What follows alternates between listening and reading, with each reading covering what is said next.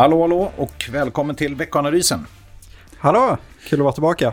Kul att ha dig här Sebastian, kul att vara tillbaka efter en eh, ledig vecka. Vi, eh, I motsats till vad vi faktiskt hävdade för två veckor sedan, där vi sa att vi skulle ha eh, veckoanalys veckan efter, så blev det inte så, utan vi tog påskledigt och eh, istället är tillbaka den här veckan. Som tur så har det väl kanske inte hänt supermycket att rapportera under tiden. Det har dragit igång en rapportsäsong och det har kommit inflationssiffror. Det var förra veckan. Veckan ja. innan så var det finns inte supermycket egentligen som vi missade skulle jag säga. Nej. Men eh, ändå. Eh, ska vi börja med den här svenska inflationssiffran? Det var ju ändå både ja, väldigt viktigt för svensk ekonomi. Det var mycket nyhetsfokus på det och eh, framför allt så var det positivt. Absolut. Eh, så de svenska inflationssiffrorna såg ju om bra ut är väl att ta i, men de såg bet betydligt bättre ut än vad de har gjort de senaste månaderna och eh, betydligt bättre än väntat. Eh, så kollar vi exempelvis på den så kallade headline-siffran eller huvudsiffran eh, så sjönk inflationen i Sverige från 12% till 10,6% och väntat var att den skulle ner till 11,1%. Eh, men än mer intressant är ju faktiskt att även kärninflationen föll. Eh, och likaså den föll mer än väntat. Eh, så förra månaden så noterade den 9,3 procent och väntat var att den skulle ner till 9,1 procent. Eh, men det landade istället på 8,9. Eh, och det innebär ju förstås att det finns väldigt lång väg kvar. Eh, men det är i alla fall ett trendbrott och att vi nu är på väg åt rätt håll snarare än åt fel håll på inflationssiffrorna. Exakt, och det där har vi pratat om lite tidigare. Det här viktiga är ju att det är en trend, att det sker liksom flera månader i rad och att man liksom ser att det går mot andra tal. För svenska inflationen har varit tydligt högre än många andra delar. Eh, och vi behöver inte få ner den till nivåer som ligger liksom kring Riksbankens mål för att man ska sluta höja. Men eh, vi behöver få ner den mer härifrån och vi behöver se trenden till den riktningen. Liksom, Absolut. Eh, till den nivån. Så att, det, det är faktiskt väldigt, väldigt positivt. Och sen är det ju fortsatt naturligtvis höga tal. Vi har hög matprisinflation fortfarande och vi har liksom en inflation som fortfarande bidrar till att det finns recessionshot självklart. Ja. Men, eh, men det är ändå viktigt för liksom, när vi bedömer marknader och vart ränta och så vidare ska ta, eh, vart det ska röra sig framöver. Ja, matpriserna som du nämnde, de sticker ju fortfarande något enormt. Det var strax över 19 procent som de ökade mm. år över år. Eh, så där finns det fortsatt väldigt mycket att jobba med. Japp. Eh, bra. Eh, vi har ju lite mer inflation att prata om alldeles strax när vi tittar mot den här veckan. Men vi kan väl bara, för att avsluta förra veckan lite grann, så vi, hade vi ju rapportsäsong också som drog igång. Väldigt, väldigt viktigt. Eh, vi ska ja. strax titta på förväntningar inför rapportsäsongen, vilka, vilka de är på, framförallt globalt sett. Men eh, vad hade vi förra veckan? En start i USA i alla fall. Ja, eh, många stora amerikanska finansbolag eh, som alltid är tidigt ute med att rapportera. Eh, de drog igång förra veckan, fortsätter även den här. Eh, men vi hade bland annat eh, JP Morgan, Wells Fargo, eh, Blackrock och vi hade även City. Och alla de här kom in och slog vinstförväntningarna. Härligt det är ju i alla fall en bra start och det kommer ju flera den här veckan. Goldman med mera och inte minst andra stora bolag som kommer. Vi kommer till kalendern senare. Men bara kort då, om man tittar på rapportsäsongen i USA, då är det ju som sagt de här bolagen främst som har rapporterat bland de större. Totalt är det 6 av bolagen på S&P 500 som rapporterat. Och eh, precis som du sa, allt ser bra ut. Så just nu så är det 90 av bolagen som faktiskt presenterar en bättre vinst än väntad. Ja. väldigt, väldigt tidigt och väldigt hög siffra. Men Litet urval. Lite så. Men eh, 90% bättre avseende vinst, 63 avseende omsättning. Eh, och då ska man ju titta på vad är egentligen förväntningarna. Under Q1 då så väntas de vinsterna falla med 6,5% jämfört med Q1 föregående år. Eh, och det är ju faktiskt, om det skulle landa där, nu, nu är det ju bättre hittills, men då skulle det vara största fallet i vinster sen Q2 2020. Eh, ja. Så att eh, ändå, man ska ha med sig att även om det här är bättre än väntat så är det liksom det är siffror som är liksom nedskruvande, det vill säga justeringar neråt redan. Absolut. Uh, och sen är det ju självklart hur mycket ska man då slå? För det har vi också pratat om tidigare. att vinsterna brukar ju faktiskt vara lite bättre. Jag har kikat på lite statistik där. De senaste fem åren så har det i snitt varit 8,5 procentenheter bättre än väntat. Yep. Och då är det 77% av bolagen som presterat bättre rapporter. Men sista tre kvartalen så har det bara varit i snitt 2,1 procentenheter bättre vinst och bara 71% av bolagen som har presenterat bättre eh, siffror. Så att eh, trenden är ju lite vikande där och det är här, många som har med sig det där självklart att man ska slå förväntningarna också. Eh, så förväntningarna är alltid lite negativa. Ja. Eh, och det är ju ja, helt rimligt också med tanke på marknadsutvecklingen som har varit. Och sen så är det ju självklart lite olika varje gång. Nu är det ganska många bolag som har guidat negativa utsikter. Eh, en del är positiva. Eh, och sen självklart också marknadsreaktionen kan ju bero på flera saker. Till exempel hur värderingen är innan och så vidare. Och där kan man väl säga att just nu så är det lite lägre än femårssnittet på värdering i USA. Men det är högre än tioårssnittet. Så mm. det ligger liksom, ganska in line med snittet kan man säga. Ja. Uh, och avslutningsvis, vad ska man då fokusera på uh, under den här rapportsäsongen? Jo, uh, det finns alltid mycket att titta på, inte minst kommentarer från ledningar. Men jag skulle säga den här gången så är det ju högre finansieringskostnader, högre råmaterialpriser, personalkostnader som kanske har skjutit höjden. Där behöver man titta och sen självklart effekten av att Kina öppnar snabbt eh, och eventuellt valutarörelse och så vidare också. Så kika mycket på just lönsamhets, eh, eventuell lönsamhetspress, kanske mer än nästan efterfrågan den här gången, även om det alltid är i fokus. Ja. Så jag tycker vi lämnar rapportsäsongen lite ja, kort. Nej, du är inte riktigt sugen på det. Nej, ja. vi fortsätter vi lite grann. Eh, för jag vill bara lyfta fram att det är väldigt intressant att just bankerna som är tidiga mm. ute och rapporterar nu, eh, att de faktiskt går in och levererar just med tanke på det bankstök som vi hade för någon månad sedan. Mycket bra att eh, addera faktiskt. Det är ju väldigt mycket fokus på SVB och ja, Silicon Valley Bank och så vidare. Och ja. Här är det ju faktiskt banker som kanske nästan har tjänat på den ja. eh, krisen. Så storbankerna går in och visar vart skåpet ska stå egentligen. Ja. Eh, och visar att de är inte vad som kommer bringa ner ekonomin den här gången. Mycket bra. Det ska bli intressant att se om vi kan eh, få fler sådana storbolag som presenterar bra grejer även ja. i övrigt. Vi har ju bland annat den här veckan mycket verkstadsbolag i Sverige som kommer. Det vore ju kul att se att nej, ingen recession på gång här.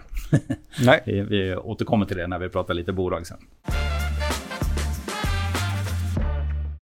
Men du, ska vi hoppa in bara på det viktigaste för börsen just nu den här veckan då? Jag nämnde i början att vi hade ju lite inflationssiffror förra veckan. Vi hade det för Sverige, vi fick det för USA.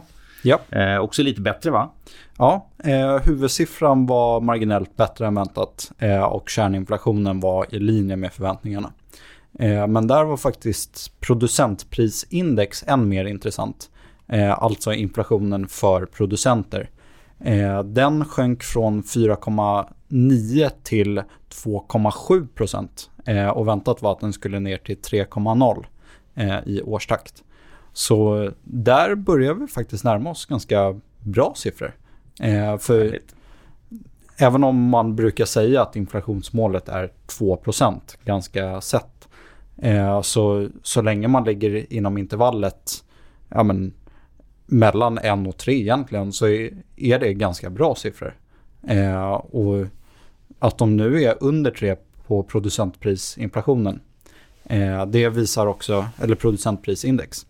Det visar väl vart konsumentprisindex också är på väg. Exakt. Bra, så bra signal egentligen där också kan man ja. säga rätt trend. Eh, och sen om vi hoppar in i veckan då så fortsätter vi med inflation. Ja. Eh, det är mycket sånt nu. Men det kommer ju eurozonens slutgiltiga inflationssiffror så vi har redan fått preliminära. Ja. Eh, och ser det bra ut där också? Absolut. De preliminära siffrorna antyder att inflationen föll från 8,5% till 6,9% i årstakt. Så på de siffrorna så är det positivt. Dock så väntas kärninflationen stiga från 5,6 till 5,7 procent. Eh, och det är väl egentligen främst den man vill ha ner.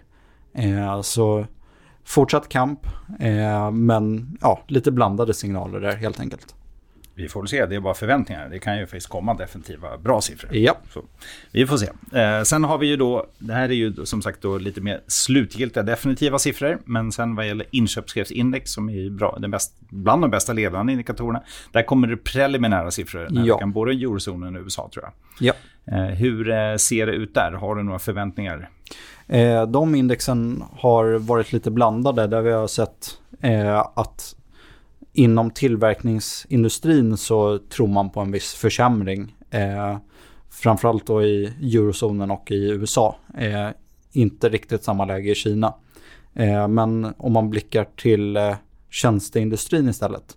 Eh, då tror man på eh, förbättring across the board egentligen. Eh, samtliga index eh, för, eh, om man ser till tjänstesektorn, USA, eurozonen och Kina, är över 50-strecket. Och alla de indikerar alltså en förbättring, helt enkelt. Yes. Eh, jättebra verkligen att ha med sig och inte minst också eh, titta på delkomponenter som ju kanske först kommer till de slutgiltiga siffrorna, inte de preliminära, det vet jag inte. Men, men eh, de är ju självklart också viktiga att titta på. Det som har varit i fokus är väl framför allt priser, jag tänker Mm. på inflation, men också alltid nya ordrar självklart som Ja. kan ge bra indikation. Ännu bättre än det aggregerade siffran kan man säga. Absolut. Eh, och annars i veckan eh, så har vi lite SEV-index från Tyskland bland annat. Ska också förbättras. Eh, vi kommer få lite siffror från Kina, BNP och industriproduktion och så vidare. Eh, men annars så börjar det ju faktiskt eh, bli så att fokus börjar hamna mer på rapportsäsongen. Ja. Skulle jag säga.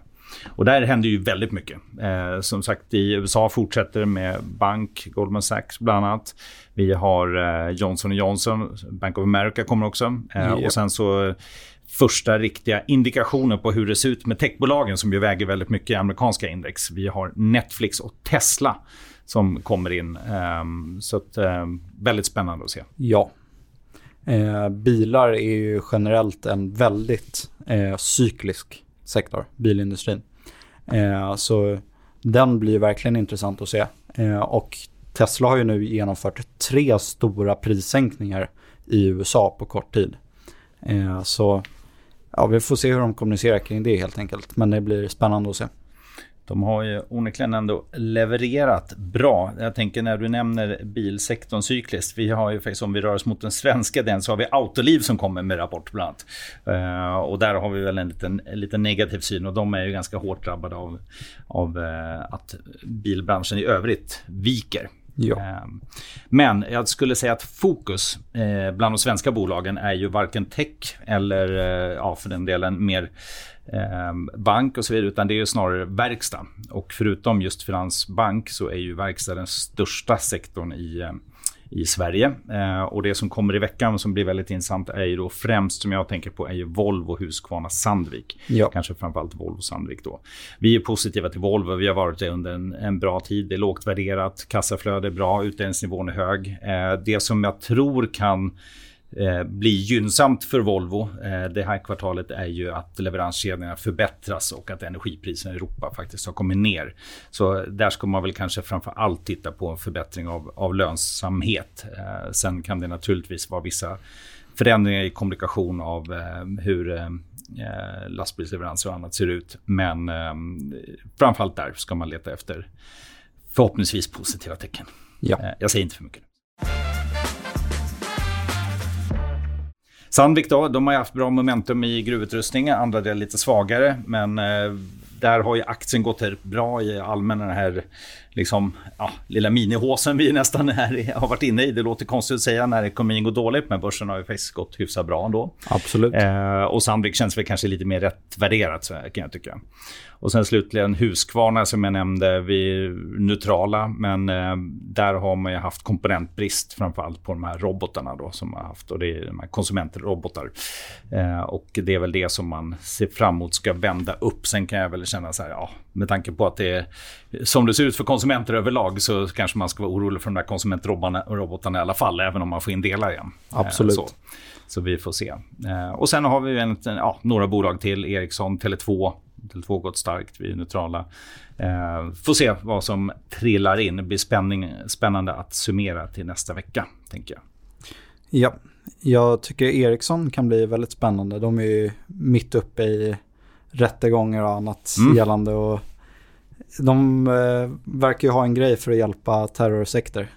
Eh, kom ju fram ett vittnesmål här nyligen om att man tydligen hade gett utrustning till Al-Qaida i en tioårsperiod. Eh, det är väl kanske inte jättepositivt. Eh, det var ett tag sedan va? Eh, ja, 2008 till 2017. Ja. Men... Det är, det är, så, det är kanske inte så att de rakt av såg att Al-Qaida var motpart i, det här. Men eh, ja, det, så kan det bli. Eh, vad har vi annars? Eh, är det någonting, så, vår tid börjar ta slut faktiskt. Men jag tycker det är lite intressant. Vi kollade på det förut här, utvecklingen bara.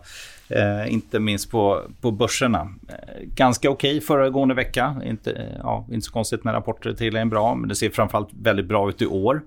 Eh, det är upp i Sverige ja. kring 11 procent. Eh, men även i USA upp 7 på breda börsen, Nasdaq ännu mer. Europa faktiskt jättebra och inte minst när vi tittar lite längre tillbaka. Man kan ju tycka så här energikris som har varit och liksom, ja, ganska liksom svaga förutsättningar med stigande räntor. Men eh, ja. sex månader, Europa 25% Tyskland 31% upp. Frankrike 31 Ja, det är, det är enormt starka tal. Måste man säga. Galna siffror. Ja. Och även faktiskt, alltså även på ett år så är Frankrike upp 30, Tyskland 23. Så det är inte bara eh, egentligen här under den senaste tiden. Så det är, ja, det har gått eh, starkt. Eh, ja. Men det, det skiljer också en hel del bland eh, sektorer och annat. Så det gäller att hamna rätt. Sverige jämförelsevis är ju plus minus noll på ett år, men upp 23 procent på ett halvår. Mm. Exakt. Ja, det händer en del eh, och det känns ju allmänt som att det är lite mer risk på och det syns väl även på andra delar än i börsutveckling. Kronan eh, steg faktiskt lite under veckan. Eh, volatilitetsindex viker ner. Vi har det här VIX-index som i media brukar kallas för skräck eller skrämselindex ibland. Ligger ner på 17 igen. För en månad sedan var det på 24. Eh, så har kommit ner en del. Men också på räntemarknaden så börjar svängningarna avta. Eh, inga jättestora rörelser under föregående vecka där. Så det är ju positivt för ja. alla former av risktillgångar. Och med det sagt, vår tid är ute. Eh, ja. Vi får tacka för oss och så hörs vi nästa vecka. Det gör vi. Ha det bra. Ha det bra.